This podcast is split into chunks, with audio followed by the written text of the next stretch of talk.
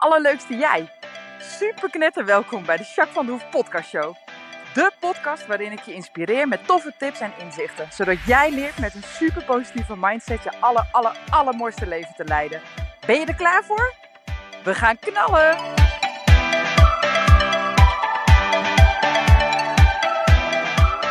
Hey, hey, hey, allerleukste jij. Super mega welkom bij podcast 125. Nou, super leuk dat je weer luistert. Echt heel tof. Uh, ik ben benieuwd hoe het met je gaat. Uh, met mij gaat het hartstikke goed. Ik ben lekker uh, bezig. de ergste kou is weer een beetje uit de lucht. Gaat nu warmer worden de aankomende dagen, dus dat is wel chill. En ja, lekker buiten met de paarden bezig, met mijn gezinnetje. Ik ga het weekend lekker een weekendje weg met Ronnie. Super veel zin in, hartstikke leuk. Even lekker chillen. Dus dat is fijn. En nou ja, ik doe mooie dingen met mijn werk. Dus ik ben wel happy eigenlijk. En jij, hoe gaat het met jou? En hoe gaat het als je even incheckt? Mag je weer even gaan zitten of staan, maar in ieder geval even een momentje voor jezelf pakken. En kom maar even aan in het nu, een beetje landen.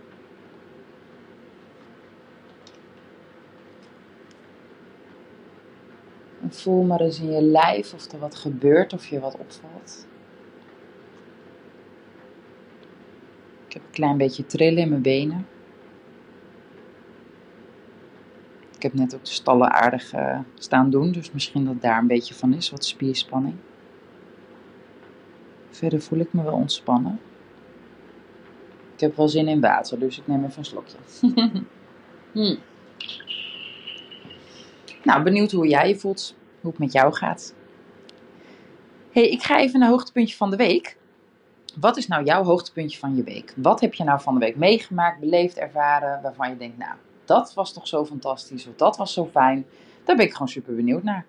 Nou, ik uh, heb een heel leuk hoogtepuntje. Ik, had, ik heb een hele leuke, ja, ik heb heel veel leuke klanten, maar ik heb een hele leuke klant. En toen zij net bij mij kwam, toen had ze medicatie. Uh, ook vanwege, nou ja, er was wat burn-out-achtige uh, signalen. En van de huisarts had ze in ieder geval medicatie gekregen uh, om het allemaal wat rustiger te maken. En uh, nou ja, die medicatie die slikte ze al een tijdje en toen is ze bij mij begonnen.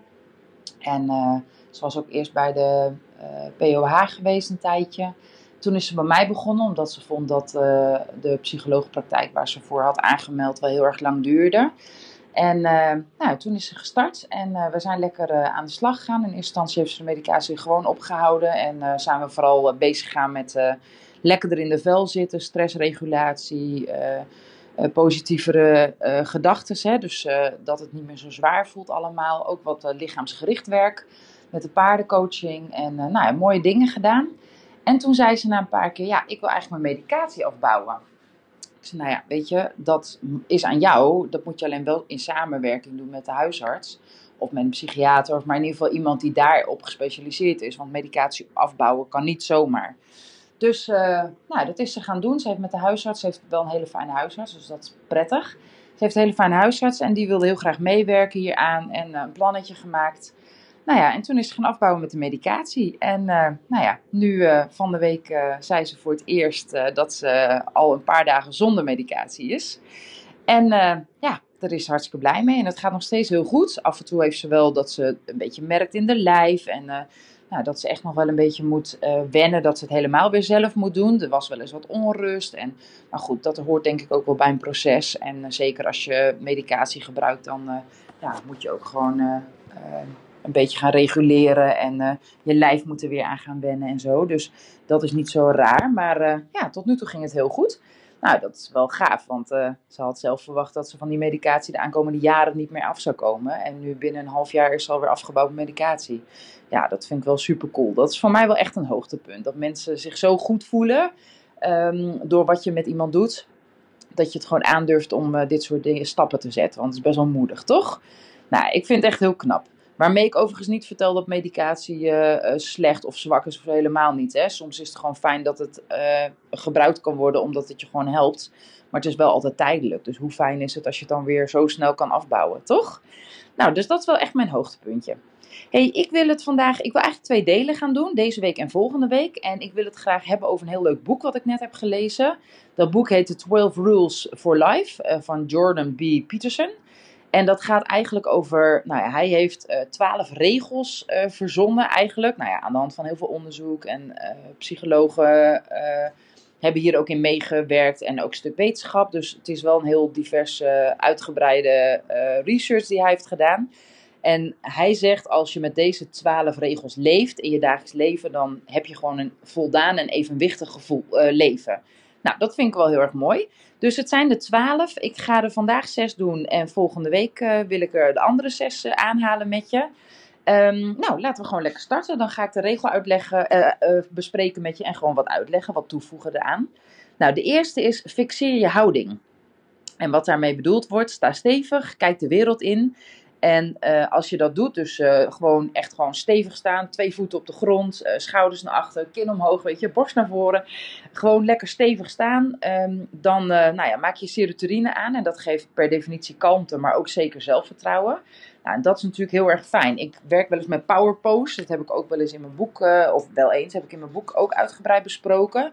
Ja, en dat is heel fijn, want als je gewoon rechtop staat en je kijkt de wereld aan en je voelt je sterk en stevig en stabiel, dan heb je gewoon veel meer zelfvertrouwen en je voelt je kalmer. Het is echt heel erg fijn. Dus als je iets spannend vindt of überhaupt, het is mooi als je dat als basishouding kunt aannemen, fixeer je houding. Ga gewoon lekker staan, stevig en schouders naar achter en het komt wel goed. Let's go. Die.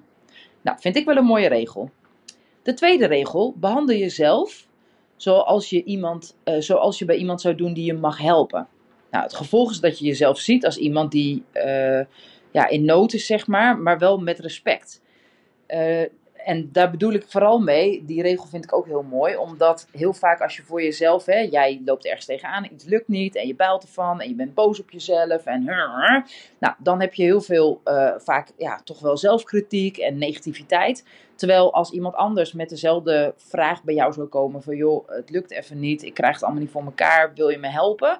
Nou ja, dan zou je veel meer met veel meer respect en veel meer liefde zeg maar naar iemand kijken en op die manier iemand helpen. Dus als je dat nou eens ook bij jezelf doet, ja, want liefde helpt gewoon. En het voorkomt dat je zelf kritiek en twijfel krijgt. Uh, en je geeft jezelf de zorg die je eigenlijk verdient, zeg maar. Hè? Juist door, nou ja, door jezelf te behandelen uh, op het moment dat je nou ja, ergens tegenaan loopt. Uh, alsof je dat voor iemand anders zou doen, zeg maar. Want dan ben je veel makkelijker respectvol en veel makkelijker vanuit liefde en veel minder kritiek en veel minder onzeker. Dat is echt heel fijn. Dus doe dat eens op die manier. Ik doe dat in mijn coaching overigens ook best wel vaak. Dat ik ehm, gewoon echt vanuit een tweede persoon kijk, zeg maar. Daar is een hele theorie over. Gestalte techniek heet dat.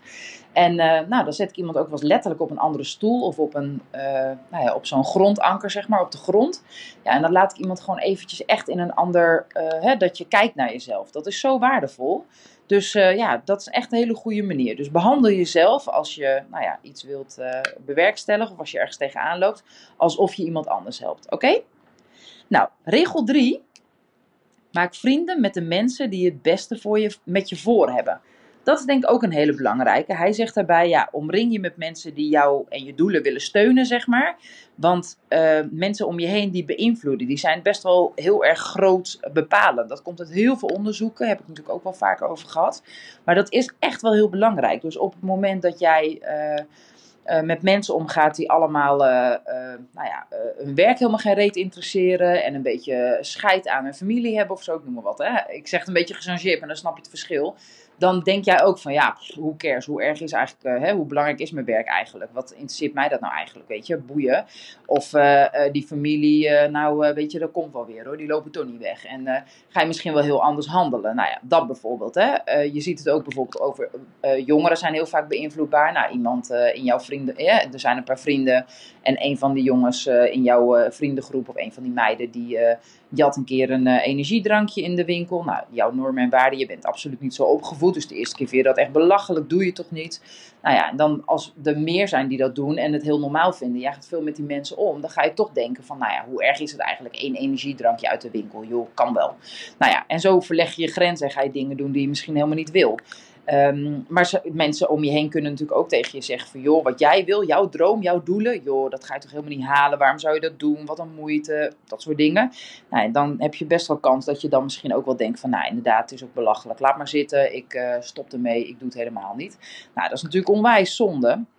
Dus uh, ja, wat mij betreft, uh, gaan mensen om je heen zoeken. Ik vind dit een hele mooie regel ook Ga mensen om je heen zoeken die nou ja, dat steunen, die jouw doelen steunen en die nou gelijkwaardig zijn en ook het beste met jou voor hebben en een beetje geloven in de normen en waarden die jij aanhangt. Want dan bereik je gewoon dingen en het is een veel fijnere flow. Het is veel fijner om geïnspireerd te worden en beïnvloed te worden met mensen die, nou ja, die positief zijn en die jou ergens naartoe kunnen brengen.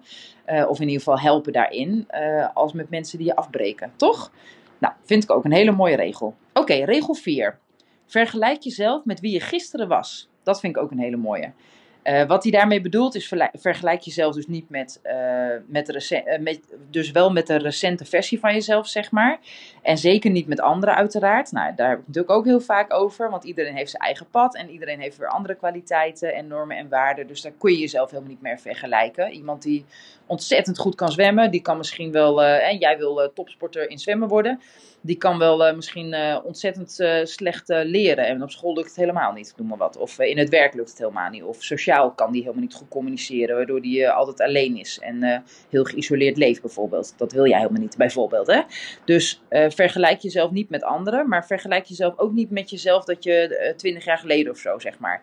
Ja, toen was ik zo slank, hoe kan het nou dat het nu niet meer lukt? Ja, dat heeft geen zin. Vergelijk jezelf dan in ieder geval met gisteren. Wat heb ik gisteren gedaan? Of hoe zag, zag mijn leven er gisteren uit? Wat ik misschien dit keer anders zou kunnen doen. Dat is veel zinvoller. Um, het zijn vooral die verwachtingen uh, die je anders hebt. Nou, en dat is gewoon hartstikke zonde. Het maakt bovendien dat je sneller uh, zelfhaat creëert. Hè? Van waarom lukt het me nou niet? En verdorie, hè? omdat je eigenlijk een utopie nastreeft. Nou, en daarnaast, als je dichter bij jezelf blijft, dus jezelf alleen maar vergelijkt met de versie die je gisteren was en niet uh, heel erg veel eh, langer geleden of met andere mensen. Ja, dat maakt ook gewoon dat je betere beslissingen kan nemen. En dit komt dus ook weer uit onderzoek, heeft hij ook aangehaald in zijn boek. Uh, en wat heel erg fijn is, dat je nou, jezelf meeneemt in de groei, zeg maar, in de betere versie van jezelf. Nou, dat is volgens mij het streven van eigenlijk bijna iedereen, toch? Zeker als je ook een stukje in persoonlijke ontwikkeling doet. Dus dat vind ik ook een heel mooi uitgangspunt. Super mooie regel ook. Volgende is regel 5. Deze moest ik wel even over nadenken, moet ik eerlijk zeggen. Maar de uitleg uh, wordt duidelijker.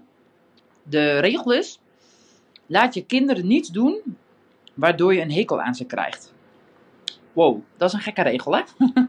moest ik even over nadenken. Uh, maar ik heb hem uh, natuurlijk gelezen, dus uh, wat hij daar vooral mee bedoelt: jij houdt van je kinderen.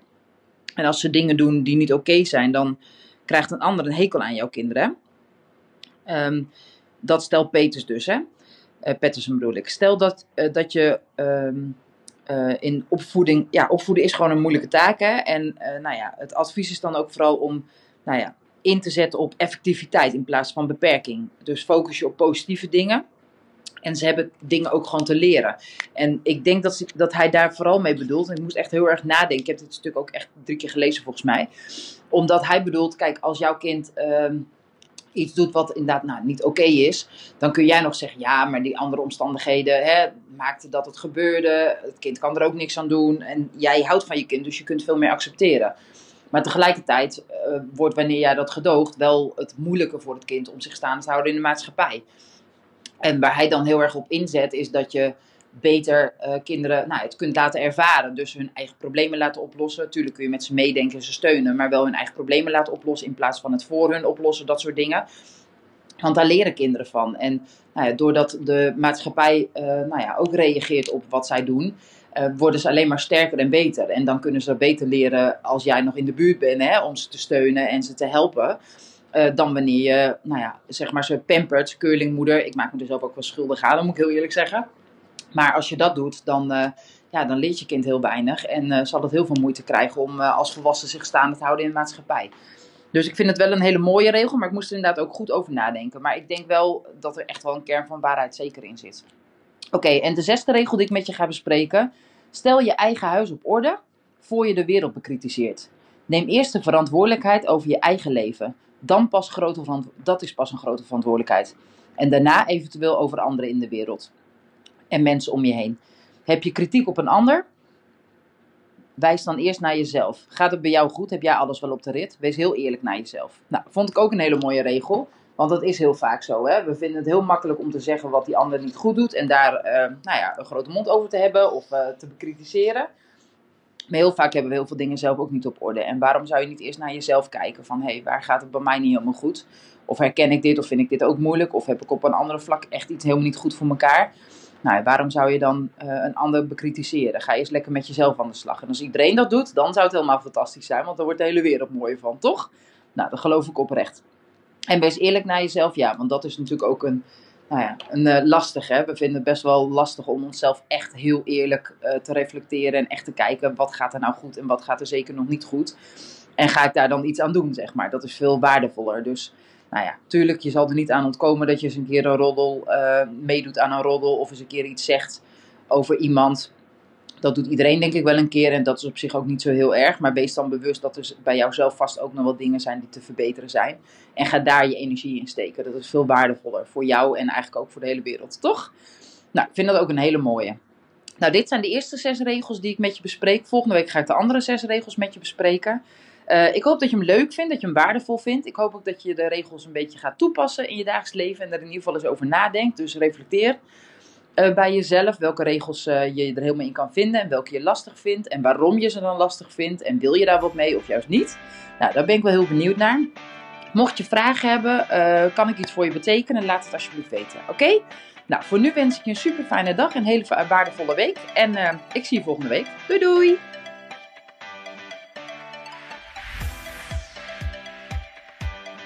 Nou, echt super mega bedankt voor het luisteren. Hopelijk heb je er heel veel aan gehad. En weet je, elk inzicht wat je krijgt is er één. En dat kan al super waardevol zijn. Wil je nou meer inspiratie? Of wil je door mij gecoacht worden om jouw issues om te draaien tot een kracht? En zo je echt de aller, allermooiste leven te gaan leiden? Nou, kijk dan op www.myimperium.nl Of volg me op Facebook, My Imperium, of Instagram, Jacques van der Hoef.